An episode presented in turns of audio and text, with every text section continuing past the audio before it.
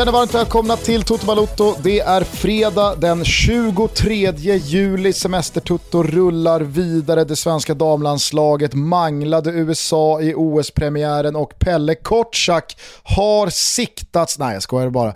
Tack eh, för alla som hörde av sig både med ris och ros efter senaste avsnittet. Det var många som uppskattade Pelle Kortsak-segmentet som blev väldigt långt och väldigt eh, utsvävande. Eh, också många som hörde av sig med att det där, det där gör ni inte om. Nej men exakt, jag svarade någon på Twitter alldeles nyligen här. Eh, men då svarade en aik att han tyckte det var väldigt roligt också. Alltså det var ju klubblöst, eh, neutralt segment såklart. Han hade 100% om Pelle Kotschack, äh, 97% om Pelle Kotschack, 3% om Djurgårdens kalibrering av ambitioner. Ja, det kanske dröjer ganska länge innan vi pratar sådär länge och varmt om Pelle Kotschack igen. Vem vet, men det är sådär semestertoto kan bli när ja, men själva fotbollsspelandet går lite i stå. Man är mellan två säsonger, sommarsvenska fotbollen puttrar på men man är någonstans mellan två stycken säsonger och då kan det bli så att man tillåter sig själv att sväva ut i det idiotiska och bara marinera Pelle Kotschaks betydelse för allt som Diffen gör rätt just nu. Mm. Man, vet ju, man vet ju att Pelle Kortsak just nu i detta nu, fredag, solen skiner hemma i Stockholm, sitter på en skärgårdsö, förmodligen på Högmarsö, på pub eller på krogen på Högmarsö och drar rövarhistorier från 80-talet. Kanske vet han inte att Djurgården möter Kalmar på söndag. Det får han liksom info om imorgon. Så kan börja han är intresserad av historien såklart. Ja. Nej, vi, vi, kan inte hamna här. Vi kan inte hamna här igen. Hur mår du Thomas Wilbacher? Ja, men fan jävligt bra. Jag har precis avslutat, eller jag, men jag har precis, precis varit med eh, när Stella avslutade sin sista vattenskidelektion. Man kan inte göra någonting Alltså man kan inte göra någonting halvdant. Fan alltså vad det är jobbigt Gusten ibland att vara så. Du brukar vara all in or nothing. Ja, eh, så, så, så är det ofta. Så jag sökte upp då den bästa vattenskide Eh, coachen på, på ön. Tog mig dit och sen så har det varit två veckor med Stella. Från det som skulle vara liksom salt vatten i håret och solen i ögonen och lära sig åka lite vattenskidor så blev det liksom hoppa på vågor eh, och köra slalom och, och sparka av sig skidor. Och, alltså varje dag så var det en ny utmaning. Härligt! Fan vad roligt att Stella verkar ha det bra där nere i Grekland. Men, ja, hon är eh, pressad. Alltså hon har det väl sådär bra. Hon grät efter den här lektionen. Fick, eh, hade, hade inflammation i ena ögat men eh, jag och Stefanos vi, vi pressade henne att köra sista 20 minuterna. Hon kom, eh, kom upp gråtandes eh, med ont i hela kroppen. Jag fattar. Eh, men jag tycker vi lämnar det därhän, vrider fokus mot bollen. Vart skulle du vilja börja den här episoden? Det känns som att det finns en del trådar att ta tag i. Ja, men ska vi bara ta lilla, lilla korta covid-updaten? Oj. Den minst pigga tråden av dem alla jag ska, jag ska vara helt ärlig, så det, eh, enda anledningen var att jag såg att italienarna nu har döpt de som inte vill vaccinera sig. För det finns ju då spelare i varje lag i Serie A som vägrar att eh, vaccinera sig. Och eh, till exempel Mattis Delict, så... Va? Är han en sån? Vaccinmotståndare, tydlig okay. Eh, inför EM så gick mm. han ut och sa att nej, jag eh, kommer inte vaccinera mig. Mm. Ja, men nu 5G-master som sprider otyg och, och skit. Holländare igen, eller hur? Det är han. Ja, ja men det gjorde mig knappast förvånad om jag säger så Gusten. Eh, nej men eh, egentligen så vill jag bara säga det här för att italienarna har ett ord för de här personerna nu och det är Novax. så, eh, jag såg till exempel Udinese a tre Novax. så de har tre Novax i truppen. Eh, jag tror att det var Spezia som åkte dit på Ja, men typ så här, jag tror att det är 12 spelare eller så nu eh, som har fått covid och eh, detta då på grund av att det är två spelare som har vägrat vaccinera sig. De har åkt på covid och sen smittat eh, tio andra. Vi har ju i våran WhatsApp-tråd med fan-tv-gänget eh, skickat in en del screen... Trött grupp nu för tiden måste jag säga Gusten, om man bara får skicka lite känga. Ja men det blir väl så semestertider. Eh, och, och, väldigt lite telefontid just nu måste jag säga. Skitsamma, ja, det jag skulle säga det. jo tack Gusten, det märker vi. Det jag skulle säga var då att eh, det har ju florerat en del screenshots från hashtag kavla ner i den mm. eh, WhatsApp-gruppen. Skrämmande läsning som både piggar upp och piggar ner.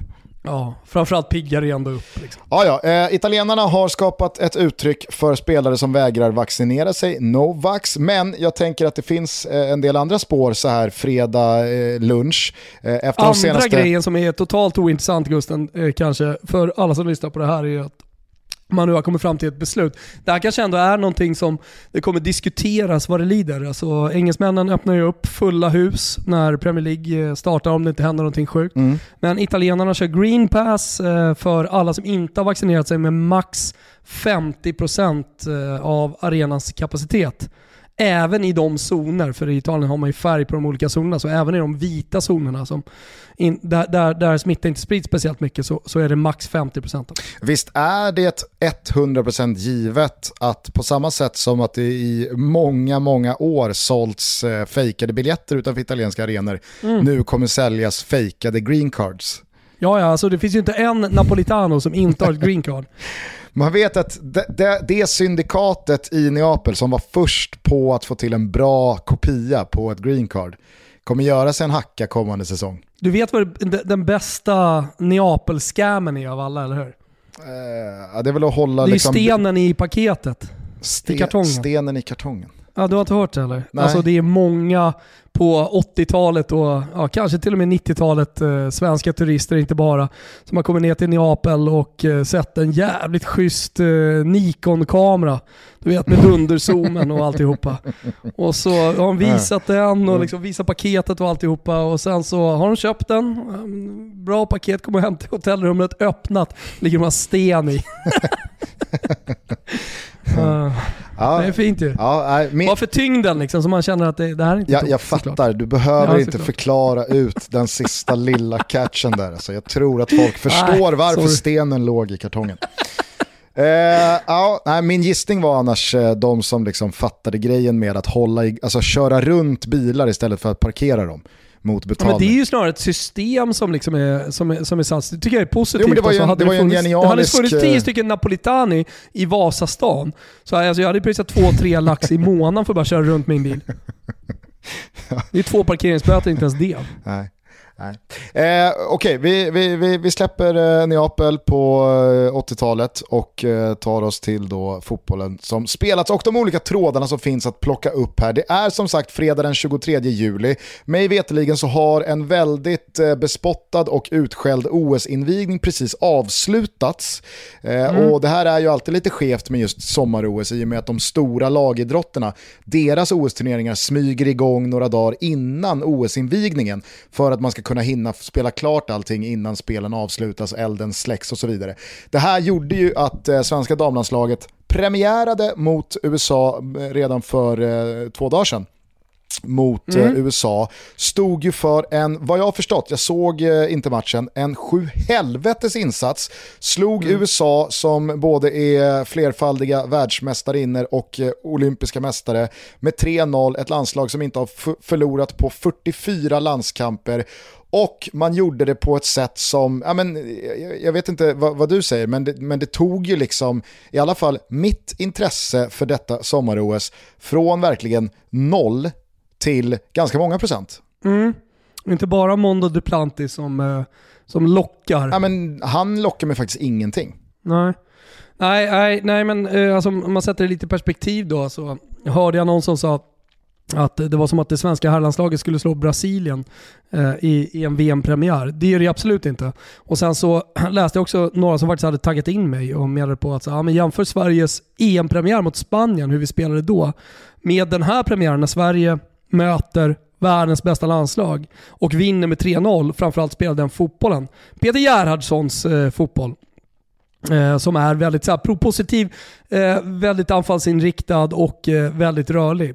Det, då, då, liksom, då fick det, det, det, det här, jag satt och kollade på matchen tillsammans med Stella och Alba. Och, ja, men det var härligt, ligga på stranden med en telefon uppe och, och bara liksom eh, jubla in målen. Det var mysigt.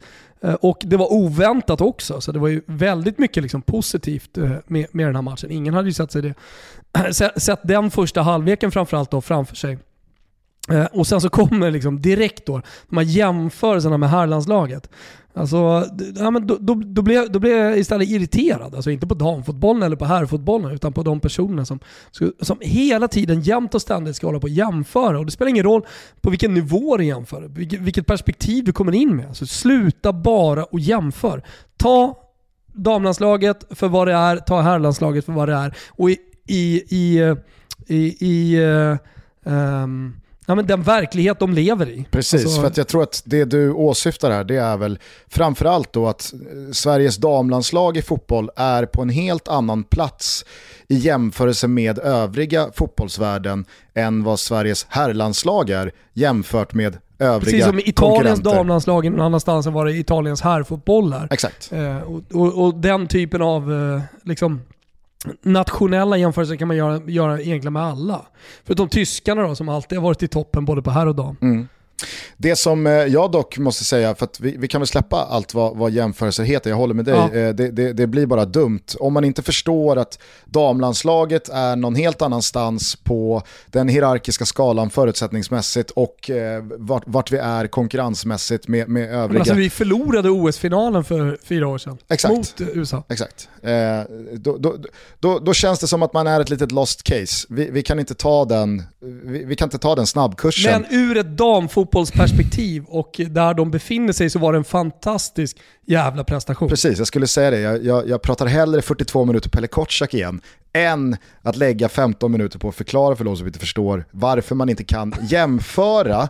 eh, så att, äh, åt, jag, jag, jag, fyller i där, där, du, eh, där du eh, pratar här. Att jag, jag, jag, jag lyfter på hatten och tycker att det, det, är en, det är en otrolig jävla bedrift. Samtidigt så känns det så jävla kul också att Gerhardsson och övriga landslagslednings, ja men, inte bara fokus och satsning utan också ganska inte peka med hela handen-aura, eh, utan deras, deras mod i att äh, vi gör inte som den kanske populistiska breda massan vill att vi ska göra och tar ut de spelarna som alla förväntar sig, utan Gerhardsson har ju varit jävligt eh, modig. Och då, och då vill jag verkligen understryka att jag inte har stenkoll på alla spelare som har fallit ifrån eller som har tillkommit, men vad jag har förstått utifrån det jag följer damfotbollen ifrån, men också många som följer damfotbollen mycket närmare än vad jag gör, som jag pratar med, har ju många gånger... Du har, en, du har en brorsa, Isak följer ju mycket närmare än vad du gör till exempel. Absolut, och, och, och då menar jag bara att många landslagsuttagningar de senaste två, tre åren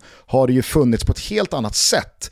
Uttagningar eller kanske framförallt spelare man inte tagit ut som diskuterats rejält flitigt på, på ett sånt sätt som kanske sker en gång vartannat, vart tredje år i herrlandslaget. Där är det oftast gubbe 22, 23, 24 som skiftas. Eh, men det blir inte de här oj oj oj, nu försvann John Guidetti som skedde för, vad var det, två och ett halvt år sedan och så blev det jävligt omskrivet eh, och, och, och diskuterat. Utan Gerhardsson har pekat ut sin väg och han har vågat experimentera, han har vågat släppa eh, institutioner som har varit med i väldans massa år för att satsa nytt, för att satsa yngre, för att satsa mot den fotbollen som han vill spela. Och så får man en sån här premiär mot ett sånt motstånd. Det måste kännas så jävla skönt för alla inblandade. Ja, exakt. Det var någon som skrev så här, men fan man ska inte börja så här bra. Det är, det är livsfarligt att börja bra. Men då, det, då är det så härligt att ha Italiens premiärseger mot Turkiet med sig. De vann ju också med 3-0 ja, och det såg fantastiskt ut. Eller Sveriges premiär då mot Spanien. Ja, exakt. För jag misstänker att den personen inte satt och jublade då. Kanon! Nej, förmodligen inte. Kanon att det såg ut så här. Bästa sättet att varva ner efter en riktigt intensiv fotbollssommar eller vilken dag som helst, ja men det är att sätta sig i en riktigt skön soffa på sin uteplats och njuta av solen. Och vi är ju sponsrade av K-Rauta och just nu finns det en massa fina erbjudanden på utemöbler som kan få vilken tråkig uteplats som helst att bli till en festplats. Klicka in på krauta.se, gå in i ett av deras varuhus eh, och ta del av deras härliga sortiment. Eh, glöm inte bort heller att Click and Collect finns. Handla tryggt och säkert, köp online, hämta ut utan att lämna bilen. Jag vill slå ett slag för mitt lunchset, det som heter Luna Maxi Grå Cello.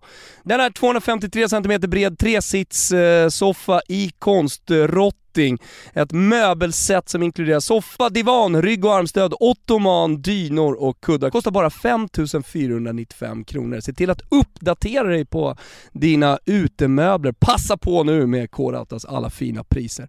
Vi säger stort tack, Kitos, för att ni är med och möjliggör Toto Balotto.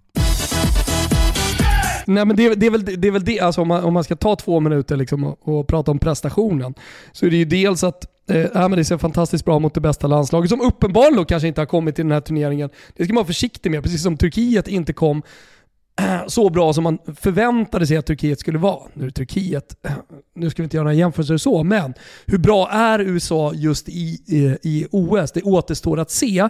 Men eh, vi vet i alla fall att inför den här turneringen så är de favorittippade till att vinna. Och det säger väldigt mycket. Och man, man, man gör den halvleken när man är faktiskt totalt överlägsna första halvleken. Eh, vinner den halvleken och sen så i andra, när man gör en del byten, så visar, visar ju Sverige, återigen om jag får göra, och det gör jag så gärna, eh, eh, kopplingen till då det italienska herrlandslaget, så, så, så har man en bredd i, i, i, i truppen eh, som är faktiskt helt otrolig. När man sätter in både Olivia Skog som har sin, sitt bästa halvår bakom sig i karriären och eh, Hurtig då, eh, Juventus-anfallaren, som eh, gör mål direkt eh, och alla spelare som kommer in är inblandade offensivt i det målet. Så det, det är ju en otrolig, eh, alltså en otrolig styrka att gå ifrån den matchen där alla som har varit på plan känner sig delaktiga. Mm. Det, tror jag är, det tror jag är sjukt viktigt för liksom, vidare. På något sätt också så jävla trist. Och, och här vill jag dela ut en gulasch utan att riktigt veta eh, vem adressaten är. Okej, okay, spännande. Ja, nej men den eller de som på något sätt ägde beslutet att tillåta Eh, det svenska landslaget spela i en sån där tröja med en sån där färg tycker jag förtjänar en gulasch. För vad sker när Sverige i en OS-premiär slår USA med 3-0? Hälften av rapporteringen och hälften av folks liksom, eh, tankar, åsikter och yttringar handlar om hur jävla pissiga tröjorna är. Mm. Det känns så jävla onödigt. Och, och, och, och, då, och då pratar inte jag om att liksom så här, ja, men, eh, smaken är som baken och folk kan tycka olika om en svensk landslagströja. Nej, för att jag fattar också att inom ett visst spann så man kommer aldrig kunna träffa 100% att alla tycker att någon tröja är skitsnygg. Det finns alltid de som föredrar det där eller föredrar det där. Men det här, alltså det här är ju på en nivå där man vet, alltså någon, någon måste ju säga så här, men vänta, det här, det här är, det är ju inte ens gult.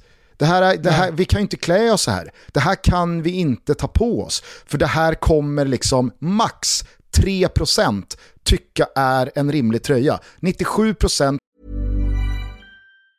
As a person with a very deep voice, I'm hired all the time for advertising campaigns. But a deep voice doesn't sell B2B, and advertising on the wrong platform doesn't sell B2B either. That's why if you're a B2B marketer, you should use LinkedIn ads. LinkedIn has the targeting capabilities to help you reach the world's largest professional audience. That's right, over 70 million decision makers all in one place. All the big wigs, then medium wigs, also small wigs who are on the path to becoming big wigs. Okay, that's enough about wigs. LinkedIn ads allows you to focus on getting your B2B message to the right people. So, does that mean you should use ads on LinkedIn instead of hiring me, the man with the deepest voice in the world? Yes. Yes, it does. Get started today and see why LinkedIn is the place to be to be. We'll even give you a $100 credit on your next campaign. Go to linkedin.com slash results to claim your credit. That's linkedin.com slash results. Terms and conditions apply. Kommer liksom, de, de kommer undra vad fan det är som pågår. Och, och mm. det känns så jävla, liksom, det, jag vet inte, det känns så orättvist. Nej, men, liksom. Vet du vad det tråkigaste är Gusten? Nej. Det tråkigaste är ju att om det blir ett OS-guld så är det ju klassiska bilder. Det är bilder som kommer vara med i, i, för all framtid. Det är historiska scener eh, nere på inneplan i Tokyo när Sverige tar det här guldet i varseltröjor. ja. det, det, är bedrövligt eh, och, och jag, jag kan adressera den gulaschen om du vill. Okej, okay, du vet vem som har ägt det här beslutet? Nej, men alltså det är Uniklo som har tagit fram och det är svenska olympiska kommittén som, har, som, som är ytterst ansvariga. Så att det, det är jättelätt att adressera det här till svenska olympiska kommittén, de ansvariga som sitter med Uniklo och tar fram eh, den svenska OS-truppens tröjor. Men vadå, Jag såg menar, också, du, menar du att eh, IOK, eller SOK, eh, Sorry, SOK, Ja, men- svenska olympiska kommittén. me, menar du att SOK säger åt Svenska fotbollsförbundet att här är tröjorna ni ska ha på er?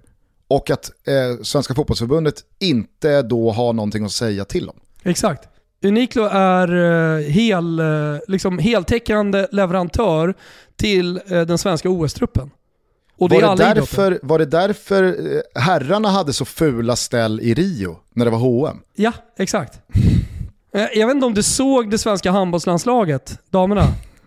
De stod på en trappa. Nej, jag såg bara någon Nej. bild som någon hade taggat De in oss i på Twitter med herrarnas landslag med någon t-shirt med... Ja, ah, det kanske var herrarnas landslag. Jag har för mig att det var damernas landslag, men eh, de kanske inte ens är i OS. Fan vilken koll man har. Men, eh, nej, men när, där det står Sve, och så har de liksom bara gjort någon jävla, du vet, så här eh, paint, gulblått paint över, ö, över bröstet. Ja. Alltså det, det är bland det fulaste man har sett. Det, det, roliga var när hon har skrivit, återigen, kopplingen till det italienska fotbollslandslagets blazers, som Armani hade tagit fram så här, inför, inför EM. Eh, det, det här kändes ju som eh, ja, men Böda camping. Men du, eh, gör den här insatsen att man då omvärderar Sverige som inför turneringen väl var någon slags femte, sjättehandsfavorit, fjärde, femte, ehm, till en, en potentiell guldmedaljör skulle du säga? Ja, ja, definitivt alltså. alltså och, och då måste man ju gå tillbaka och kolla på de eh, resultaten som det här landslaget fortfarande består av en hel, även om några har slutat, så eh, eh, Sembrant och, och Nilla Fischer och det, det, det var ju liksom eh, en farhåga lite grann inför OS. Hur kommer det svenska försvaret se ut nu? Som har gjorts om så mycket. Alltså de här unga tjejerna som kommer upp, och nu är inte de så här purunga visserligen, de som spelar eh, i det, det, det svenska mittförsvaret, men, men, men ändå, de, de är ju mycket bättre skolade. Alltså damfotbollen går ju fram så, så mycket nu så att alltså de tjejerna som är 10 bast idag kommer ju vara ljushår bättre skolade än vad eh, damlandslaget är nu. Sen kanske de ligger på samma talangnivå, men skolningen kommer ju kommer vara en helt annan damfotboll om 10 år. Det går fort nu liksom. Eh, och, och det tycker jag man såg i den här premiären också. Mycket mer bollskickliga, alltså ganska stolpiga, styltiga Nilla Fischer, ganska skönt att hon inte är med. Jag gjorde själv en liten jämförelse med, alltså känslomässigt ska jag säga nu, med, med Granqvist. Liksom. Skönt, bort med honom, in med nytt. Jag, jag var ju aldrig speciellt Granqvist-pro liksom, på slutet. Jag kände samma sak kring, kring eh, många av de eh, eh, unga tjejerna som kommer fram nu i, i svenska damlandslaget. Ge dem plats. Vilket Gerhardsson såklart har gjort också. Även om det inte är det yngsta landslaget. Alltså vi är fortfarande kvar. Eh, Caroline Seger på mittfältet och Kosa Slani och, och Sofia Jakobsson. Men det, det är ju megastjärnor, det måste ju folk förstå också. Alltså det, det, det, det, det är liksom gå från Real Madrid till Bayern München. Eh, Det, det är eh, det är spelare som ses som några av de bästa på positionen i världen. Ja, vi eh, blickar med tillförsikt fram då mot match nummer två mot Australien. Det är väl då alltså tidigt i morgon förmiddag, Mm. eh, lördag. Avspark Exakt. 10.30 ser jag svensk tid. Mm. Får man eh, pallra sig upp och inte, inte ligga och snusa och sova. Mm, då får man eh, helt enkelt pallra sig upp. Alltså jag spelade ju Sverige till 1,65 eh, mot Australien tidigt och eh, ser nu att Sverige på Betsson, som jag är inne på, har krypit ner till 1,53. Så med tanke på att det är en neutral plan i ett mästerskap så är man tämligen stora favoriter i den här matchen. Mm. Härligt, det är bara att gå in, Mm. och, gå, gå in och ge sig själv lite ränta. Ja, sådär dagen så efter löning. Inte fel. Absolut. Men du, redan ikväll så drar ju faktiskt den europeiska klubblagssäsongen på herrsidan igång på riktigt i och med att HSV, Die Rotenhausen, kliver ut igen i Zweite Bundesliga och man gör det, hör och häpna, mot Schalke 04 som Kanske har någonting på gång så här första året i Zweite på evigheter. Eh, kanske inte, förmodli eh, förmodligen... Om det vet vi inget. Förmodligen det senare snarare än det förra. Eh, jag har noterat att eh, målsprutan från Zweite Bundesliga, Simon Terodde, eller Terod, jag vet inte, du får hjälpa mig där. Jag, jag har aldrig känt att du har övertygat mig i det tyska uttalet. T-E-R-O-D-D-E. Terodde, eller Terode. Terodde. Terodde. Terodde. Simon Terodde har ju då bytt. Jag vet inte vad han har för ursprung riktigt heller. Han har ju... Måste ju veta grundursprunget på namnet innan man eh, uttalar sig för kraftfullt. Ja, ja, jag fattar. Han har i alla fall lämnat Hamburg och gått till Schalke. Mm. Och bara den värvningen känner jag spontant är den bästa värvningen Schalke gjort på ett decennium. Sen de plockade typ Raul. Mm. Det är väl är sedan en decennium kanske. Eh, men eh, det, det känns ju i alla fall som att när Schalke då strippar Hamburg på sin bästa målskytt, målma, målmaskinen och liksom poänggaranten Simon Terodde, ah, då vet man ju att det är, det är Schalke som gasar sig ur krisen och studsar upp ur Schweiz här. Det är inte Hamburg som tar sig tillbaka till Bundesliga. Ja. ja men alltså, som, eh, som trogen HSV, eh, Die Rothausen, Dinosauren supporter Mm. så tycker jag att det känns tråkigt överhuvudtaget att säsongen drar igång. För att nu ska man få bli besviken igen. Alltså vi som har varit med genom alla år, genom liksom framgång och besvikelse. Eh, Framförallt så har vi, Framförallt besvikelse. du och jag, du och jag Gustav har ju bara varit med om besvikelse. Jag, jag, jag rättar mig själv här. Ja, det måste jag säga. Under våra år som Hamburg-supportrar har vi fått Vi är fan äkta Hamburg alltså. har vi fått uppleva idel förluster, eh, Albins ganska misslyckade sejour, eh, en eh, havererad ekonomi, misslyckade försök att ta sig tillbaka upp i Bundesliga, Nikolaj Müllers korsbandsskada när han firade ett mål. Ja, det har varit så jävla mörkt. Eh, Lasoggas exit.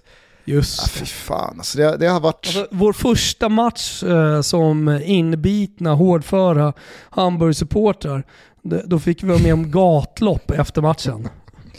ja.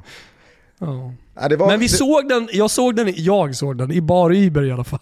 Inne på, inne på uh, Volksparkstadion. folk, ja exakt, exakt. Ja, nej, men det känns i alla fall jävligt roligt att Zweite Bundesliga drar igång. För det är ju den tillsammans med Championship och lite, lite skotska Premier League. Och sen så brukar franska Ligue 1 vara först ut som en av de stora. Nu vet man, nu, nu, nu är vi igång. Nu börjar det smattra. Ja men exakt. Det, det är därför man tycker att det är kul. Alltså för, för att man känner att vi, vi, är på, vi är på väg tillbaka till någon slags så här normal läge igen i fotbollen. Och nu, nu har jag liksom upprepat det flera gånger så jag ska inte bli en papegoja här i podden. Men, men jag tror att det är det man känner när man ser att det när du såg att det var HSV mot eh, Schalke 04. Mm. Då kände ju du liksom att nu är vi tillbaka. Du vet att eh, det är publik på de allsvenska arenorna, så indirekt så tänker du ju på det. Även om du inte kan kanalisera den tanken, hela alltså din glädje, hela vägen till de allsvenska halvfulla arenorna och sångerna, läktarsångerna du hör nere i Göteborg. Mm. Så, så har du det liksom någonstans ändå indirekt. Och du vet att Audi Cup snart börjar. Och du vet numera också att de italienska eh, lagen kommer släppa in 50% på arenorna. Det är surt att det inte är 100% men 35 000 på San Siro duger ändå gott för oss framför tv-sofforna ett tag till. Verkligen. Sen så har ju Malmö varit igång ett tag med sitt Champions League-kval. Har ju skaffat Just sig... där? Ja, har ju skaffat sig goda möjligheter där att eh, avfärda HJK Helsingfors och sen då ställas mot Glasgow Rangers. Eh, det blir väl någon slags eh, prövning på riktigt i och med att Rangers av idag inte alls går att jämföra med det Rangers vi har sett liksom vara en skugga av sitt forna jag senaste tio åren. Under Steven Gerrard så har man ju verkligen eh, tagit sig tillbaka upp på toppen. Man snuvade ju Celtic på den där tionde ligatiteln, man gick långt i Europa League i våras, man besitter ju en eh, hel del eh, europeiska kanske inte toppspelare, men spel, landslagsspelare från eh, breddländerna som, eh, som, som alltså vi, vi själva har ju Filip Helander där, eh, det, det, det är väl liksom, det, det är ett kluster av sådana typer av spelare. Och så länge Steven Gerrard är tränare för, för Glasgow Rangers så är det ju en klubb som bara i honom symboliserar inte bara vart man är utan kanske framförallt vart man är på väg. Ja, exakt. Så det blir ju den stora prövningen för Malmö FF här. Men igår torsdag då så blev det ju de första historiska matcherna i eh, Uefa Conference League när eh, Häcken Elfsborg och Bayern gjorde sitt. Bayern eh, tycker jag ändå tog en ganska meriterande seger mot Maribor. Det är ett lag som, eh, Gnaget åkte väl mot dem för två år sedan. Eh, jo tack. Jag var, jag, jag var på den matchen med Alba. Eh, mm. Hon gråter än idag. Ja, jag var, jag var på plats med en polare där också. Det var ju ett sånt jävla tryck vill jag minnas från eh, Friends. Äh, I och med att man hade skalat av etage 3 och så var det helt packat på etage 1 och 2. Men sen så var det ju en förlängning där. Alltså jag har aldrig hört, kan det varit 20, 24 000? 25 000? Mm. Sällan man har hört 25 000 bli så tysta som när Maribor gör det där eh, målet i eh, förlängningen och, och, och släcker allt. inte snälla. Skitsamma, det jag skulle säga var i alla fall att Maribor är ju ett lag som har figurerat i de här sammanhangen ett par gånger och har gått hela vägen till något Champions League-gruppspel och något Europa League-gruppspel. Mm. Eh, så att, att slå dem med 3-1 på hemmaplan, det, det, det, får man ändå säga är en... Eh, kanske inte en monsterinsats Nej, av Bayern. Men det, det är en prestation på riktigt. Alltså, ja, det är exakt. det Alltså, det, är det, det är det du Sorry Gustav, men jag avbryter här, men det är det du söker. Alltså, någon slags här, Um, det är lätt att avfärda och vi har garvat åt det. Jag la ut någon bild på vår Instagram också med de lagen som var med i första rundan. Men kollar man på, den, kollar man på de som redan är i kvartsfinaler och det är väl några sidor redan till semifinaler för att kvalificera sig, så är det typ Fenerbahce-gäng där. Alltså. Så det är klart, i svenska mått mätt så, så, är det faktiskt tufft motstånd. Och där tycker jag också att, att vi kanske bör sätta ner foten lite kring var svensk fotboll inhemsk fotboll befinner sig någonstans också. Ja. Att, eh, visst, visst, är det förvånande att torska med 5-1 mot Aberdeen, men vi ska komma ihåg att svensk fotboll ligger inte över skotsk fotboll.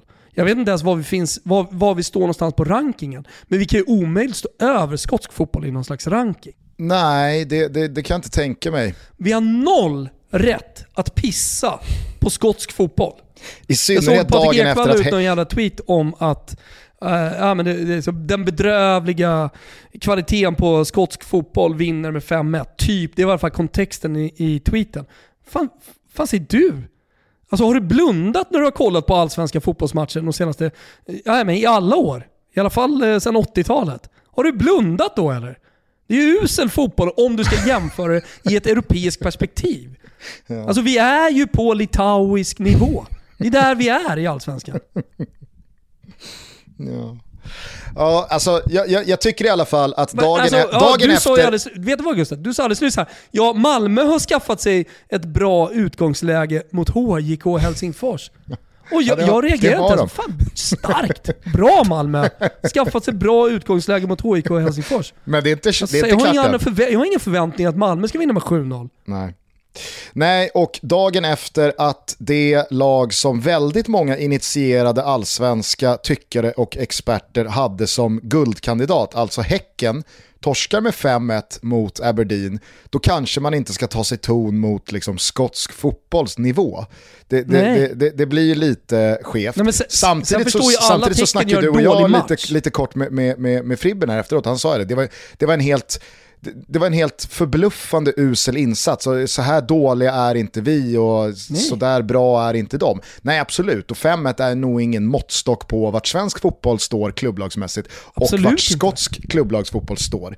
Men som du säger, det, det, det, är ju så att på en dålig dag, ja men då får ju svenska klubblag storstryk av skotska lag som har en bra dag. Kolla bara på Celtic. Nej, alltså, Gnaget måste vi också komma ihåg är till, sam, backa till samma eh, Europa-kval där för Gnaget för två år sedan.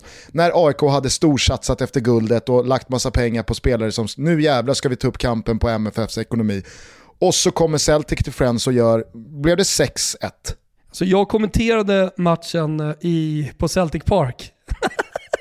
mm, jag vet. Jag expert kommenterade den Gusten. Ja, jag vet. Wilbur, Wilbur José med sån här, har du sett de här eh, mikrofonerna som engelska kommentatorer har med hak, sätter den på hakan och så har den liksom mot munnen. Exakt, yes. Otroliga de alltså. Vilken, ja, de är fina. Vilken, uh, vilken grej det var att sitta, på Celtic Park så sitter man uh, högst upp på taket. Alltså du går på taket för att komma till kommentatorsbalkongen. Uh, det är som en slags balkong. Ja. Och sen Men, så står eh, man där med den där lilla metallpinnen mot hakan Och så Ja. blir det jättebra ljud. Ja, exakt. Nej men eh, alltså AIK, ehm, kanske till och med, där skulle man kunna prata om att svensk fotboll blev avklädda på något sätt. Alltså för att eh, även om det inte var stora siffror i första matchen så var de totalt slaktade alltså. Fan, då kanske jag minns fel, för jag vill minnas att Gnaget var ganska bra i, i, alltså i första matchen på Celtic Park. Klara, sig, klara sig undan. Ah, okej, det, ja. det, det är min... Alltså live, live kändes som att AIK klarade sig undan. Ja, de blev i alla fall fullständigt avklädda sen mot Celtic på Friends i returen. Jag menar bara att, jag menar bara att de här matcherna, ett dubbelmöte mitt i sommaren, får många gånger så överdimensionerade proportioner. För att man liksom så här, du brukar alltid prata om var befinner sig klubbar någonstans sett till deras säsongstarter och är det nu man ska vara som bäst och är det så konstigt att Östersund när de eh, springer in i ett eh, Galatasaray som knappt har startat upp sin försäsong Semestertjocka. Ja men precis, med en spelartrupp som de vet inte till vilket land de åker, de vet inte vilket lag de möter. Det här ska väl bara vara att städa av och sen så har liksom Graham Potter förberett ett lag i ett och ett halvt år för just den matchen. Alltså, då kan, då, då, då kan de här resultaten komma, men i slutet av säsongen ett halvt år, åtta månader senare så är det väl klart att Galatasaray kommer vara ett bättre fotbollslag över tio matcher ja. mot de här lagen alldeles oavsett. För att det, det är ju liksom, det är höjden man vill åt på ett lag Nej, alltså över det, tid. det, det du säger är ju att sve- svenska fotbollslag bör ha en fördel i de här kvalen för att vi ligger perfekt säsongsmässigt. Ja, ja men så, så ska det ju vara. Absolut. För att alltså, mitt i sommaren så ska ju allsvenska lag vara som absolut mest inne i sin säsong. Eh, det, det är inte i slutet av en säsong där det finns då, men, några, några trötta ben att- tala om. Fan, svenska klubbarna kommer ju dessutom från två, två och en halv, kanske tre veckors ledighet på vissa håll och kanter i, i skarven maj, juni. Eh, och sen så har man kunnat lägga upp sommaren då så som man vill utifrån att man som klubb ska, ska Europadubbla med allsvenskt spel och så vidare. Så att, nej, jag förstår inte riktigt vad som händer. Elfsborgs, alltså Elfsborgs insats och resultat är ju oerhört svårt att värdera. Jag, jag, jag, jag kommer inte ens kolla upp vad det där moldaviska laget hette som de slog med 4 det är, det är ett sånt där lag alla som... segrar är positiva och alla segrar är Absolut, bra. jag, jag menar bara att det laget är ju snarare kanske liksom ett lag som rimmar med bilden man har av kvalrundorna i Conference League. Alltså det är på den här nivån. Så att till och med svenska lag ska bara kunna ställa ut skorna och, och, och springa över dem med, med, med fyra, fem bollar. Eh, men just den här Aberdeen-torsken igår fick mig att, jag bara gjorde då eh, parallellen till, för jag såg nämligen den här eh, eh, dokumentären om eh, Sir Alex Ferguson eh, för några dagar sedan. Never Give In. Eh, det faller ju lite redan första sekunden när man inser att det är Alex Fergusons son som har gjort den. då, då känner man, ja, det kommer nog inte ställas allt för tuffa frågor här. Det kommer nog inte vara allt för kritisk. De Känns kanske, lite, känns lite som Michael Jordan. ja, som då är en av medproducenterna va, till The Last Dance? Eh, som blev så hyllad i fjol. Nej, men, jag, jag, jag kände ju där och då att jag tror inte jag ska hoppas på ett talking head med en spelare som Sir Alex Ferguson fullständigt har knäckt mentalt och som har mått piss i 22 år sedan Alex Ferguson tog heder och ära av honom och liksom slaktade honom både mentalt och inför eh, hans lagkamrater. Alltså, jag, jag utgår bara från att det finns 150 sådana spelare som liksom sen Sir Alex bara gick loss med den stora motorsågen och hårtorken, inte har hämtat sig sedan dess. Några sådana några såna killar satt ju inte ner och vittnade om att Sir Alex Ferguson är djävulen själv. Eh, utan det var ju väldigt, eh, det var ju väldigt mycket medhårs. Eh, Talking Heads var Erik Cantona och Ryan Giggs eh, från liksom, spelarhåll och sen så var det i princip bara familjemedlemmar. Det var hans brorsa, det var hans fru, det var hans andra son. Det var väldigt, väldigt, eh, eh, vad säger man, likriktat eh, i då att Sir Alex Ferguson har en otrolig karaktär och är en fantastisk ledare. Och det är han ju för fan, det, det är inte det jag försöker säga.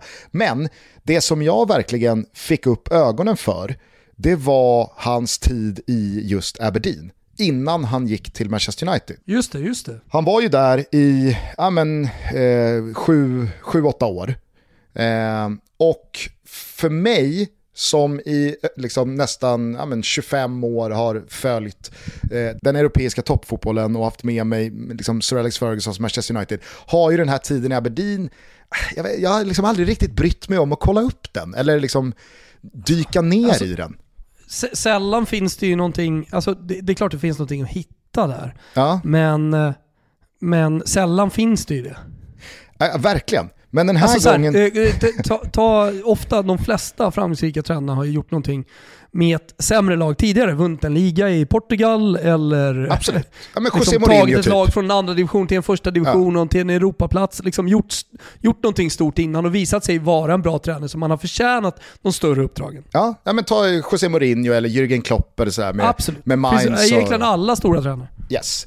Men när, när, när jag då ser den här dokumentären och liksom på riktigt fattar vad det var Sir Alex Ferguson gjorde med Aberdeen.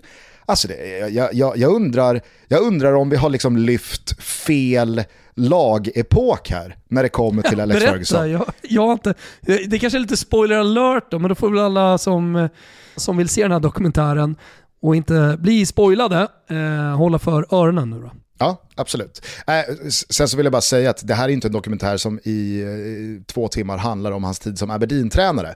Eh, men, Plus men, att du bara går in på Wikipedia så kan man ju läsa om hans tid i Aberdeen. såklart. Exakt. Men eh, Sir Alex Ferguson var ju faktiskt en mycket bättre spelare än vad jag liksom, ha, ha, har, har trott i alla år.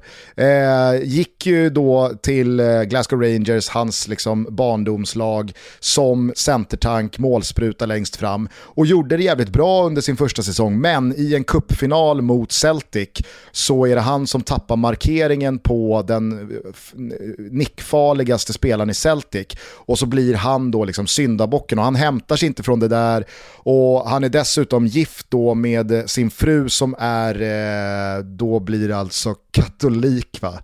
Det är katolikerna som är Celtic, protestanterna är Rangers är det väl. Skitsamma, de är i alla fall på olika planhalver om den kristna läran. Eh, och det dras upp och så blir det liksom en häxjakt på Sir Alex Ferguson så att han tvingas bort från Rangers eller han vill verkligen lämna. Och så känner han då när han liksom tidigare än planerat lägger av, börjar träna, han tar över, han tar över St. Mirren men känner att så här, äh, men det här laget kan jag liksom inte uppnå det jag vill uppnå med.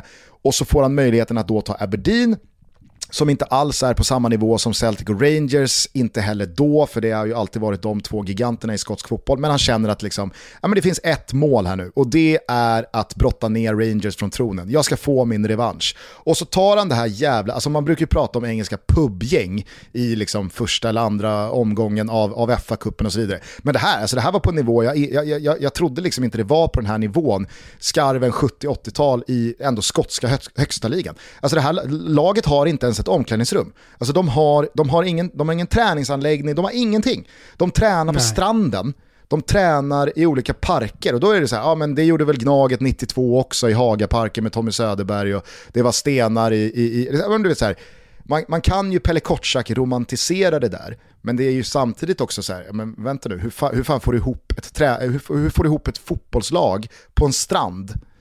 Det, det, det ska liksom inte gå. Ta det här jävla skitgänget till ligatiteln 79-80, 83-84, 84-85, vinner fyra skotska kupper, vinner skotska ligacupen en gång, vinner fucking cupvinnarcupen mot Real Madrid i finalen. Otroligt. Och han gör allt det här på liksom 4-5 år. Alltså han slaktar rent ut mot Celtic och Rangers, inte bara i Skottland, utan han går hela vägen och slår ut Bayern München i semifinalen av cupvinnarcupen och Real Madrid i finalen. Och, och det här är 1983.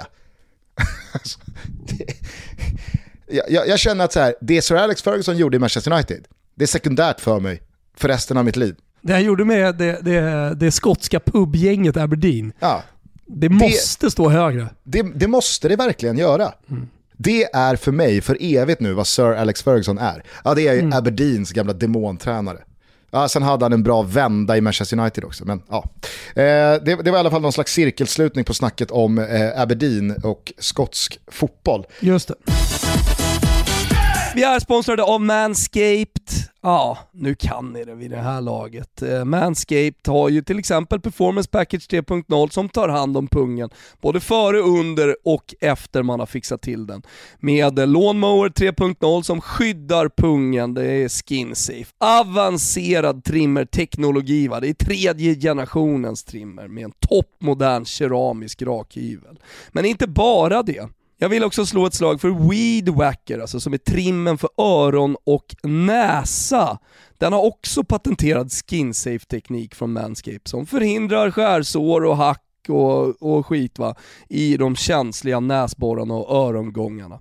I Performance Package 3.0 så finns Crop Preserver, alltså en pungdeodorant med antiskavfunktion och fuktighetskräm, samt Crop Reviver det är en pungtoner full av aloe vera som gör att du vinner eventuella matcher i snyggaste bollar. Det var faktiskt exakt så som Manscaped skrev det, jag tyckte det var lite roligt att läsa det. Viktigast av allt är att ni nu har 20% och gratis frakt på din beställning med koden TOTO20 på manscaped.com. Så gå in där, se till att ta hand om din pung. Vi säger stort tack för att ni är med och möjliggör Toto Balutto. Vi är sponsrade av Betsson och vi har en Toto-trippel inför i helgen som jag och Gusten har suttit ner och knåpat fram. Vi tror väldigt starkt på Djurgården. Ah, det är inte så jävla konstigt eh, efter allt snack, det förstår ju ni också. Men de möter i alla fall Kalmar och eh, det såg ut att vara ganska tungt i andra halvleken mot AIK för Kalmar, även om de gjorde helt okej första. Men vi tror väldigt starkt på Djurgården i helgen. Vi tror också väldigt starkt på Värnamo. De är på väg fram och tog en meriterande seger senast mot Helsingborg och och eh, eh, där blir det också rak seger, precis som eh, för Djurgården mot Kalmar. Och vilka möter då Värnamo? Jo, de möter ju Vasalund och eh, ni som har lite koll på Superettan, ni vet om att de har det tufft där nere i botten, Vasalund alltså. Så att, eh, ja, Värnamo tror vi starkt på. Avslutningsvis då, vi kan inte hålla oss borta från IFK Göteborg. Ska de vinna nu mot Varberg? Ah, det skiter vi lite i faktiskt. Vi tror att det blir mål. Eh, om man har sett Varberg och man har sett framförallt Micke Stares Blåvitt eh, sen, eh, sen, sen han kom in i, i, klubben så vet man att det är chansrikt och det blir ofta väldigt mycket mål. Så över 2,5 i Varberg mot Blåvitt. Diffen rak, Värnamo och sen över 2,5 Varberg Blåvitt. Tänk på att ni måste vara 18 år fyllda om ni ska spela och att stödlinjen.se finns om man har problem med spel. Vi säger stort tack till Betsson som är med i Toto Balotto. Eh, har du noterat eh, de stora miljardbomberna som är på väg att brisera i England? Ja, men, eh, jag eh, noterade en jordbävning i alla fall eh, som kan få stora konsekvenser som inte har med England att göra. Mm -hmm. I Spanien pratar man om terremoto, alltså om jordbävning. Att Mbappé kan vara på väg till Real Madrid och att PSG då vill ha Cristiano Ronaldo Oj, Mr oj, Champions League och allt det där, även om han gjorde en dålig session Champions League-mässigt i Juventus. Och att Icardi ska gå till Juventus då. På det så börjar det nu eh, konkretiseras med Pogba till PSG också ju.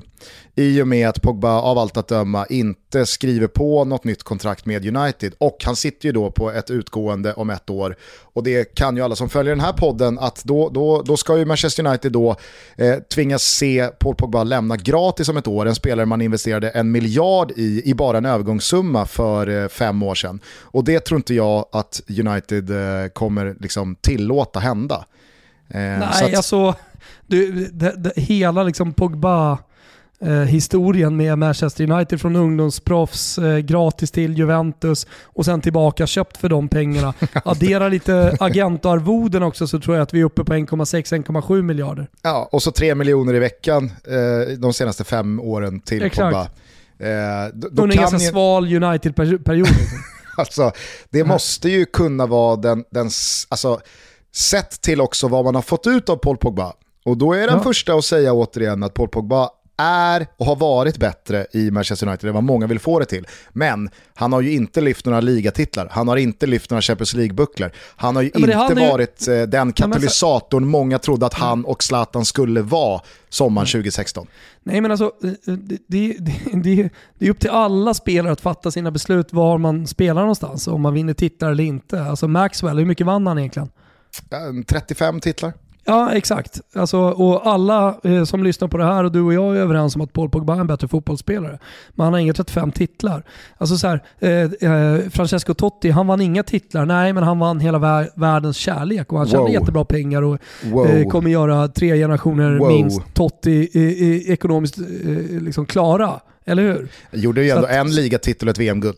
Ja, ja, men, ja, absolut, men han hade kunnat haft så, så mycket mer. Han hade kunnat haft 30 också. Absolut. Ja, med, med, och jag menar, så Paul Pogba har ju också ligatitlar i, i, i Juventus och han har eh, eh Champions League-final i Max Allegri va? Innan han gick tillbaka till United. Med mittfältskamraterna Arturo Vidal och eh, Andrea Herregud. Pirlo. Andrea Pirlo, vilket jävla jä- mittfält. Vilket jävla... Det Ja. är bland de bästa innermittfält jag har upplevt. Men det insåg man inte där och då. Det är det som är så jävla fantastiskt med fotbollen, att man behövde distans och tid på sig för att förstå hur jävla bra saker och ting var en gång i tiden. Fast jag, jag, Nej, jag, där och då så var det, då var det mer såhär, äh, Italien, italiensk fotboll, alltså, vadå? Arturo Vidal, Paul Pogba, misslyckade Manchester United. Det var, det, det, det var 70% av eh, jordens eh, fotbollssupportrars eh, allmänna syn på det mittfältet. Ja, jo, kanske. Skitsamma, du, du är inne Mm. på någonting här i alla fall och det var bara det jag skulle understryka. Med tanke då Men på han har ju själv beslutat att vara där. Jag menar så här, sen så är det ju, det hade ju varit på ett sätt kul om han lämnade Manchester United utan att vinna någonting stort eh, och liksom efter alltihopa gratis. Och allting började med att han var Manchester Uniteds spelare. Exakt. som lämnade gratis och bara fick köpa tillbaka för enorma pengar och sen betala en jävla massa pengar utan att vinna någonting och så lämnar han gratis igen. Och då vet man ju att det laget han kommer välja Ja. men garanterat vinna, alltså då kanske han vinner 25 titlar sena, sista 10 åren på karriären. Han kanske inte hinner med 25 titlar, men han kommer ju vinna Champions League första Jo. säsongen med den nya klubben. Ja. Det är ju det enda man vet. Eh, men eh, det händer ju då onekligen grejer i eh, den yttersta liksom eliten av transferfönstret. Du pratar om den här jordbävningsrokaden. Jag läste in här i morse med då att väldigt mycket talar för att Harry Kane nu har grönt ljus från Levy och Paratici och Tottenham som klubb att lämna. Det pratas om upp mot 1,7-1,8 miljarder i en övergångssumma till Manchester City. 5 miljoner i veckan i ett femårskontrakt och på det så verkar det dessutom närma sig med att City då löser Jack Grealish för en miljard från Aston Villa. Det är inte alls en lika känslig övergång, men det, det, det drar ju ett, återigen, löjes skimmer över alla gånger Pep Guardiola sitter på presskonferenser och ojar sig över eh, transfersummor och hur mycket Chelsea och PSG Ja, och, men och, han ska och, sitta och vara filosofisk kring fotbollen. Precis och prata om det är att läge vi, för honom att knipa igen nu framöver och Vi inse var inte- fan han befinner sig någonstans vi kan i inte, fotbolls, vi på kan inte fotbollskartan. vi kan inte tävla med deras plånböcker och oj oj oj vad de splashar cash och, och så tittar man på vad Pep Guardiola har fått igenom för värvningar de senaste 3-4 åren. Alltså han, han har ju bara en, en, en försvarslinje för liksom 6-7 miljarder. Eh, det, det, det är ju spelare som kostar enorma pengar som City har landat. Sen så har de ju inte, och, och det, det ska han ju någonstans ha, City har ju inte sprängt banken på de offensiva eh, liksom målpoängsprutorna de senaste två, tre, fyra åren. Alltså Agüero var där så pass länge, Gabriel Jesus kostade inte en och en halv miljard, Raheem Sterling tog dem för länge sedan och det var inte heller på den här nivån. Kevin De Bruyne samma sak. Så de har ju inte, de, de har ju inte skickat upp två miljarder för Neymar eller Mbappé eller vad det nu är. Men det har ju bara varit en tidsfråga i och med att de har levererat så bra som de har gjort ändå med det- befintliga eh, stallet. Men jag menar, skulle, skulle City ta Harry Kane och Jack Grealish för tillsammans nästan 3 miljarder, alltså, då, då är det någon som får sätta munkavle på Pep Guardiola. Alltså. Nu såg jag att Armani har även designat det italienska, den italienska OS-truppens kläder. Är det det du sitter och liksom, eh, smy, smygkikar på när jag försöker ägga upp stämningen här kring miljardvärvningarna till Manchester City? Mm, ja, men framförallt så känner jag väl så här när vi, när vi, när vi pratar om City och den typen av värvningar så ehm, alltså, jag har inga, jag har inga stora problem med att de värvningarna görs. För de görs i Italien, de görs i Spanien, de görs i Frankrike. Det, det, det, det, är, ett spec, det, det är ett skikt av fotbollen som ingen annan kommer åt. Och när du säger till exempel så här, "Ah, men det är inte lika känslig den värvningen, eh, Jack Grealish från, eh, från Aston Villa till Manchester City som Harry Kane från Spurs till, eh, till City är. Då, då, då, då förstår jag inte riktigt vad du menar. Vad är, det som är kän, vad är det som är känsligare att gå från Spurs till... Spurs är ju också liksom på, mer eller mindre på samma nivå som Aston Villa är. Alltså om du ska, om du ska, det vänta, lyssna. om du ska jämföra med City och var de befinner sig. Jo, om man ska jämföra med City, absolut. Men om man ska jämföra Tottenham med Aston Villa så måste man ändå, och, och, och det, det, det, det, kan du inte säga emot. Alltså, Tottenham har ju de senaste 6-7 åren befunnit sig i toppen av Premier League och nu pratar vi alltså ur Harry Kanes karriärsperspektiv. Det är ju, då är ju inte liksom 50-60 år intressant. Harry Kane har ju 10, 12, 13 år. Det är ju de han måste ta hänsyn till. Jo, men... Tottenham har spelat Champions League-final, de har, de har gått liksom ganska långt gångna kamper om ligatitlar och, och de har spelat kontinuerlig Europafotboll senaste 5-6 åren. Aston Villa har precis tagit sig tillbaka från Championship. Alltså det är klart att det är skillnad. Ja men det, det, det är skillnad såklart på var de befinner sig i, i, i den engelska hierarkin, men det, men det är ingen skillnad att gå från Aston Villa eller att gå från Spurs till City. För det är, det är, två lag som inte har någonting med vad Manchester City håller på med att göra. Alltså de har, de har lika lite att göra med Citys liksom, ambitioner. Fast jag säger som jag gör för att jag är helt övertygad om att Aston Villas supporterskara nog har levt en verklighet de senaste tre åren där de har fattat att det är bara en tidsfråga innan Jack Grealish lämnar oss för förmodligen en inhemsk klubb. För det är så engelska spelare är, är funtade. Spurs-supportrarna måste förstå var de befinner sig i näringskedjan när stora City kommer och vill ha deras bästa spelare. De har ingenting att säga emot. Samtidigt, de har ingenting att sätta emot. Hade City kommit för ju... två år sedan, tre år sedan, ett år sedan med 1,8 miljarder så hade de tagit honom vilken dag de vill. Samtidigt och PSG tar ju... vilken spelare de vill av Spurs imorgon. imorgon tar de sån. Men man, om de vill. Fast Son skrev ju precis på ett nytt femårskontrakt och sa att Exakt, det här är hemma för mig. Exakt, för att ingen vill ha honom av de stora klubbarna. Jo, det tror jag nog att de vill. Nej, Skitsamma. Inte, in, nej jag... men alltså så här, om, om PSG hade velat haft sån så hade de betalat för sån och Spurs hade kunnat säga precis noll. Kanske. Samtidigt så tror ju jag, och det, det ska man ju ändå ge Spurs-supportrarna, att det har legat stora pengar på bordet tidigare angående Harry Kane. Men Harry Kane Absolut. har själv varit väldigt tydlig med, inte bara klubben att han ska ingenstans, utan att ja, men det här är hemma för mig, jag vill dö en eh, Tottenham-legendar, jag vill vinna någonting stort med den här klubben för att det är den här klubben jag älskar, jag är kapten, jag vill föra den här klubben in i nästa fas. Det, det här var ju liksom ord i samband med eh, arenaöppningen av nya Tottenham Hotspur Stadium och så vidare. Så att han har ju verkligen, han har ju verkligen gött supporterskarans drömmar om att stå emot lockelseropen från Manchester City, Manchester United och så vidare och så vidare. När det väl sker, det. jag fattar vad du menar, men jag, jag, jag måste ändå dra någonstans i din handbroms och tycka att det blir lite fel att jämföra ja, i det här att, fallet att Aston Villa med Spurs. är känslig, Sen, det är det jag sätter mig emot. Det finns inget känsligt i den. Fast det är ju... Alltså det, är det är alltid ju... känsligt att lämna alltså, Nej, när en av de bästa jag, spelarna... Jag tror att det jag också väger in i det här, det är ju att det är ju en övergång som på väldigt många sätt och vis säger tack och hej till Tottenham från toppskiktet av Premier League. Jag tror, jag tror de kommer vara exakt på samma position som de har varit de senaste åren. Nej men det, det kan du inte mena. Jo. Du tror, du tror att Tottenham det, går större, det kommer inte bli någon större skillnad Du tror Tottenham att det inte blir någon större skillnad på Tottenham? Så mycket pengar, då kommer de kunna köpa till exempel Dusan Vlahovic från Fiorentina, 20 år. Och han kommer också garantera 25 mål i Spurs. Ja. Nej, jag vet inte fan alltså. alltså jag, jag tror att Spurs, eh, Spurs blir av om de har med jävla, Om de har en sportchef som kan hantera det här. Alltså som jag, helt ärligt, alltså med den, den sportsliga ledningen som Spurs har, okej okay, det kanske inte är den bästa. Men med 1,8 miljoner att investera Miljarder. så kan man investera de pengarna för att, be, för, för, att behålla den positionen man har inom engelsk fotboll. det kommer man garanterat att göra. Till och med, vet du vad? Jag tror att de kommer göra det bättre. Jag tror att Spurs kommer bli bättre av de här 1,8 miljonerna.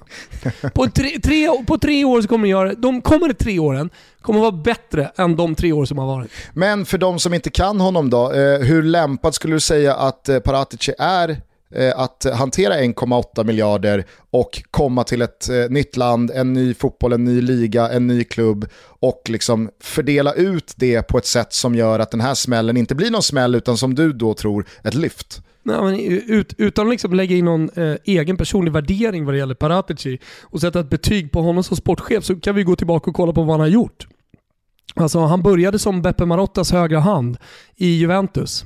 Han förde Juventus till toppen tillsammans med Beppe Marotta. Sen så kan man diskutera eh, hur duktig Paratici har varit att förädla det arbetet han gjorde tillsammans med Beppe Marotta. Och där finns det många som har åsikter om att han inte klarade av det eh, och att eh, flera av de värvningarna som har gjort på slutet som inte har slagit, till exempel på mittfältet med Rabiot och gänget, eh, ja, var, var dåliga värvningar. Men om man väger in allting som Fabio Paratici har gjort under alla sina år i Juventus så har han både erfarenheten och skickligheten Eh, att, att förvalta stora pengar och att eh, såklart också hitta bra spelare. Eh, dessutom så får man ju, får man ju en, en sportchef med kanske lite andra perspektiv än eh, de som har varit tidigare i, i Spurs. Alltså bara det att man tittar åt Dusan Vlahovic håll, eh, liksom den, ja, men kanske en, efter Håland och Alexander Isak eh, den, den, eh, den bästa i, i årgången. Alltså den bästa unga striken. För, och jag menar honom kan man få för 50-60 miljoner. Då är det fortfarande 1,2-1,3 miljarder kvar från de där Hurricane-pengarna som du kan eh, liksom förvalta och eh, skapa eh, ett, ett, ett ännu bättre Spurs. Så, så här, med, med, eh, jag, jag, tror att, jag tror att Paratici kan, eh, alltså är rätt man för att göra det. Och jag, absolut, jag skulle absolut inte vara orolig om jag var Spurs-supporter. Att nu försvinner Tottenham, så som du är inne på lite. Nu kommer man börja tappa spår, nu kommer man börja hamna i mitten och så vidare. Alltså Tottenham, Spurs kommer vara kvar på exakt samma position. Jo, som jag säger. Jag säger det också för att göra det till, till eh, ett litet bett här mot dig Gusten. Mm. De kommer till och med vara bättre de kommande tre åren än vad man har varit. ja, nej, men det, det bettet tar jag ju såklart. Ja. Det blir skaldjursplatå med extra allt på Sturehof. Ja, så är det. Eh, underbart. Och då pratar vi alltså Spurs ligaplaceringar de tre senaste säsongerna i ja. en total ska förbättras ja. kommande ja. tre utan Harry Kane. Men du, du började det här segmentet med att prata om en jordbävning. Då kan du väl i alla fall tillstå att det ger ju en högre siffra och utslag på Richterskalan med att Kane lämnar Spurs för City och då pratar jag inte bara om vad det innebär för Tottenham utan också vad, vad det innebär för Manchester City och deras möjlighet att befästa och bevaka den där toppen eh, än vad att Jack Grealish lämnar Aston Villa rent näringskedja hierarkiskt mässigt. För, eh, helt ärligt, jag tror att, jag, jag läste någonstans i, i, i morse här att eh, Kane är 95 mål ifrån Alan Shearers till synes ointagliga målrekord i Premier League på 260 baljer. Alltså han har gjort 165 mål i Premier League. Harry Kane är född 93, han ska fylla 28 i år. Alltså jag tror mm. att Kane har smält in de där 95 bollarna. Inom de kommande tre åren? Ja. Kan du inte säga under det bara samma, Under samma tid. Ja under samma tid. Ja, men, och jag, jag har lust att säga emot det nu och liksom inkludera det i bettet, men det kan jag inte göra. Nej, du fattar ju själv vilken jävla hand i handske det här är. Ja, nej, nej men, och det, det, kan ju alla se. Alltså, vad är det som har saknats i, i, i Manchester City? Alltså, de har varit fantastiska. De har spelat med falsk nia, de spelar med nia, med Agüero eller Gabriel Jesus, ibland ingen. Men eh, de, de, spelar ändå fantastisk fotboll. Alltså, och man har alltid undrat, men vad händer? Ja, nu har de haft Agüero, absolut, men alltså, vad händer om liksom, en stor, stark, tung boxspelare, Harry Kane-typen, kommer in i laget? Oh, mm. Det får vi se nu då. Ja, det ska bli jävligt spännande. Och kul också att eh, följa de här tre kommande Premier League-säsongerna med då två nyinstiftade små, små bets oss emellan. Absolut alltså. Jag, har aldrig känt mig säkrare på ett bett. Alltså, jag kände mig ruskigt säker på Östersund. Alltså, det, det, det var snudd på hundraprocentigt men alltså, här, här är jag uppe på hundra. Alltså. Jo, jag, jag vet, så, men så, så säker. Det är så jävla störande att så få förstår att jag, visst, jag torskade pengarna men jag fick liksom rätt ändå. För att Östersunds Europa League-äventyr, att de tar sig vidare från ett gruppspel i Europa League till slutspelsvarvet. Det var ju liksom det jag pratade om. Men det är som Fiorentinas sportchef och pratar om liksom Primavera-guldet eller att Fiorentina gick till Champions League som liksom deras scudetto. Du, du håller på att prata om eh, liksom Östersunds Europa-äventyr som deras ligatitel. Det är lika patetiskt som Pantaleo Corvino just nu. Nej, nej. Alltså de som förstår, förstår. Hörni, vi ska börja runda av. Jag har eh, dock ett budskap jag skulle vilja förmedla till alla som hör det här. Snart är vi faktiskt inne i augusti. Sommaren börjar, hur surt det än är i vissas öron, att lida mot sitt slut. Och i och med det så stundar ju en fantastisk klubblagssäsong där ute i Europa. Mm. Via Simor så kan man för 299 Barubas i månaden följa all fotboll från Serie A och då pratar vi alltså Kulusevski, Zlatan, Cricket Ronaldo Serie A. Om han blir kvar. Men det stämmer, det stämmer. all fotboll från La Liga och då pratar vi alltså Real Madrid, Atletico Madrid men kanske framförallt då Lionel Messis La Liga. Barcelonas La Liga som ska tillbaka upp på den där tronen. Man har plockat in Depay, man har signat Messi på fem nya år. Ronald Koeman har blodsmak i munnen. Laporta nöjer sig ju aldrig med något annat än guld och diamanter. Ja, men jag tror att vi har en ruskig jävla spansk höst framför sig. Och då har jag inte ens pratat om Alexander Isak i Real Sociedad. Ah, men jag tänkte precis säga det, framförallt så är Henke Larsson kvar i Barcelona, det blev ju klart här alldeles nyligen. Såg du att hans kåk eh, utav Helsingborg till salu? Nej, det såg jag inte. Alltså han, han, han tar sitt pick och pack ner till eh, Spanien för gott. Han Nej, men har, du, fått har, du, har du skämskudden eh, nära till hands här nu? Eh, ja, För har vet du vad huset ligger ute som, alltså namnmässigt? Nej men sluta, det här orkar jag inte höra. 30 millar är utropspris. Ja, ja, men det är rimligt låter det som. Man har ju hört om den här kåken. Och du vet ju att vissa hus liksom har ju ett namn snarare än en adress. Jo, jo. Villa Soliden och sådär. Exakt. Det här ligger alltså ute under namnet Henkeborg. Nej! Nej! Sluta! Det är orimligt! Men det är orimligt! Åh, ja, jag kände bara liksom, nej.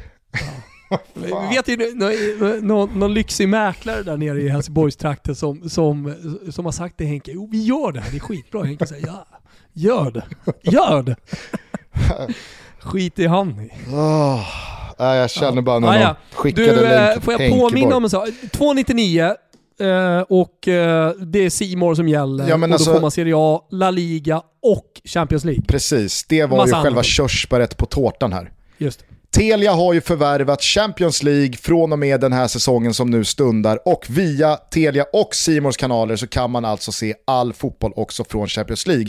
Och det är ju så fiffigt då att det här även ingår i abonnemanget som man kan teckna hos Simor att man för 299 spänn i månaden får all fotboll från Serie A, La Liga och Champions League. Ja, men det är grymt. Jag tycker det är eh, übertydligt Gusten. Och eh, för tydlighetens skull så vill jag också uppmärksamma alla på att Pepsi Max är ute och gör stan osäkra. Och vadå stan? Är det plural eller? Ja, ja. Städerna osäkra. Det är nämligen en sommarturné som pågår från och med nu och så är en bit in i augusti. Så det är ett eh, Pepsi Max-gäng som delar ut Pepsi Max och andra Pepsi Max-prylar och så tävlar de också ut det här bland folk som de möter. Så håll utkik efter Pepsi Max-gänget i parker, på torg och på stränder där ute i sommar-Sverige. Än ska vi fira sommargusten, det måste du ändå hålla med om. Det ska vi verkligen göra. Nu ska jag gå ut och fortsätta fira min semester. Jag ska glädja mig lite åt lönen som trillade in på kontot idag. Jag ska Eh, njuta lite av solen. Men framförallt så ska jag följa upploppet här i SFK Pierikos eh, jakt på en ny tränare. Disco och Expressen har ju rapporterat att Sven-Göran Svennis Eriksson är på detta grekiska lags radar och det känns som kanske hela fotbollsåret 2021 års sämsta beslut. Ja, det är framförallt så här, sämsta beslut av alla inblandade. Det är en lose-lose eh, situation vi är på väg emot här. Alltså, det kommer inte betalas ut någon lön till Svennis och eh, de kommer vara missnöjda sen med hans prestation. Alltså det, jag hoppas, det ska jag säga, jag hoppas för allt i världen att det går bra. Han vinner den jävla andra divisionen här i Grekland. Sen bara gå hela vägen upp till en Europaplats. får vi se Svennis ute i Europa igen. Oavsett om det är Conference League eller om det är Europa League eller till och med Champions League. Det bryr jag mig inte om. Det är drömmen och den drömmen kan vi nära. Men tyvärr så tror jag att det är väldigt, väldigt höga odds på det. Ja, jag, jag delar din uppfattning. Där är Vet vi du vad jag överens. ska göra klockan 19.15 Gusten? Nej? Då ska jag kolla på Liverpool mot, mot Mainz. Ah, snyggt. Mm. Det är ju också, det, det känns väl som en träningsmatch som är eh, instiftad PGA Jürgen Klopps eh, klubbsympatier. 100%, 100%, 100%. Jag kan ingenting om den här matchen. Jag har inte läst någonting om den här matchen. Men det förstår ju precis, till och med Hillman att, att det är på det viset. Hörni, vi hörs igen på måndag. Ha en jävla trevlig helg. Tack till alla som hör av sig med olika synpunkter och åsikter och andra okvädningsord kring det vi gör här i Toto Balutto. Eh, ta hand om varandra så hörs vi snart igen. Och du med Thomas, lycka till här nu eh, med eh, djupdyket mot greken. Ja, alltså, stort tack. Jag kan behöva det. Eh, grekiska flottan eh, är på plats eh, och det är stor apparat här på resorten. Vi får se hur, hur det här går och hur vi sänder och så vidare, men, men han ska fan DÖ! Den saken är klar. Får jag bara avsluta med att säga, säga grattis också? Till? Till min gode vän Patrik Mörk. Ja, han eh, lyckades ju eh, sälja vidare Odilon nu till eh, Bayer Leverkusen för 300 miljoner kronor. Det är väl då 30 friska rätt in på Mörkens konto? Eh, ingen aning, men 10% brukar väl vara någon slags här, ja, agentarvode. Eh, sen så tror jag att de är fler agenter som har jobbat med det här. Men det, det är nog bra cash. Han kan plocka fram en, en årgångs Barolo utan problem. Men eh, man får väl lägga in lilla grattiset också då till Hammarby. Ja, verkligen. Eh, det, det blir väl en eh, 15-20 millar för Bayern? Ja, totalt sett, totalt sett så har de alltså tjänat... Eh, det var ju så här, inför... Bayer Leverkusen har ju visat intresse för Odilon som spelar i Klubb Brygge under hela sommaren här, vad jag har förstått. Och sen så kom Premier League-lagen och började liksom ja, bråka lite och ville också ha Odilon. Då höjdes priset från 200 miljoner, har jag tillskansat med informationen, till 300 miljoner. Så tack vare att Premier League-lagen kommer in och börjar buda, ja då går priset helt enkelt upp. Eh, och eh, totalt sett Gusten, han spelade väl 4-5 matcher i Bayern, visst var det så? Det var väl en vår? Mm, jag tror inte det var mer än typ fem matcher. Fick ju dessutom en hel del skit va? från eh, liksom allsvenska supportrar generellt sett. Ja men det där var ju, det där var ju en vår, en Odilon-vår där potentialen stack ut mer än de faktiska insatserna över 90 minuter. Så kan man väl säga. Ja exakt, men ingen hade väl sett det här. Eh, jag tror att eh, det landar på att eh, Hammarby totalt sett på hela Odilon-affären tjänar 75 miljoner kronor. Man tackar, man tackar. Det är, det är såklart inga, inget, inget dåligt netto på, Nej, på en spelare snackas, som snackas knappt var i, i, i klubben eh, innan han lämnade. Får vi bolla upp von Yxkull och, och, och Hjelmberg och gubbarna här. Kanske är det så att Bayerns sportsliga ledning behöver slå Pelle Kotschack en pling och fråga hur firar man det här på bästa sätt? Mm. Kotschack hjälper ju till. Ja exakt. Deras, deras eh, eh Taverna Brillo i kvarnen. Så det blir, eh, det blir eh, fria runder för alla på kvarnen här kommande vecka. Klart att man kan ha ganska kul på kvarnen för 75 millar. ja faktiskt. Det kan man ha. Hörni, eh, tack för att ni lyssnar. Ha det bra. Vi hörs snart igen. Ciao tutti. Ciao tutti.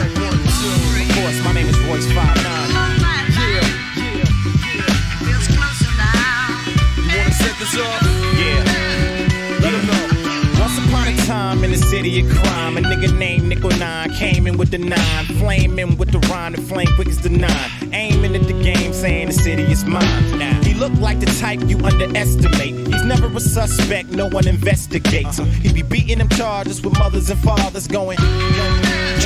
Yeah, it should be a felony to be this vicious on the beat. I'm dope. I'm selling D like I'm a piston on the streets, yelling D for the cheddar cheese. The cheddar I brought, let it be like a spelling bee. The pathetic bar, let it be. be. Or get your chain snatched, y'all. Dog cutter sustain a train track star. Whoever thinking of talking shit to me, it be a memory. His train of thought will stain that car.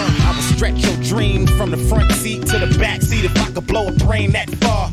Niggas wanna get to know me all cause the way I be spitting. Every hoe, every bitch in the city be going. Be going, be going.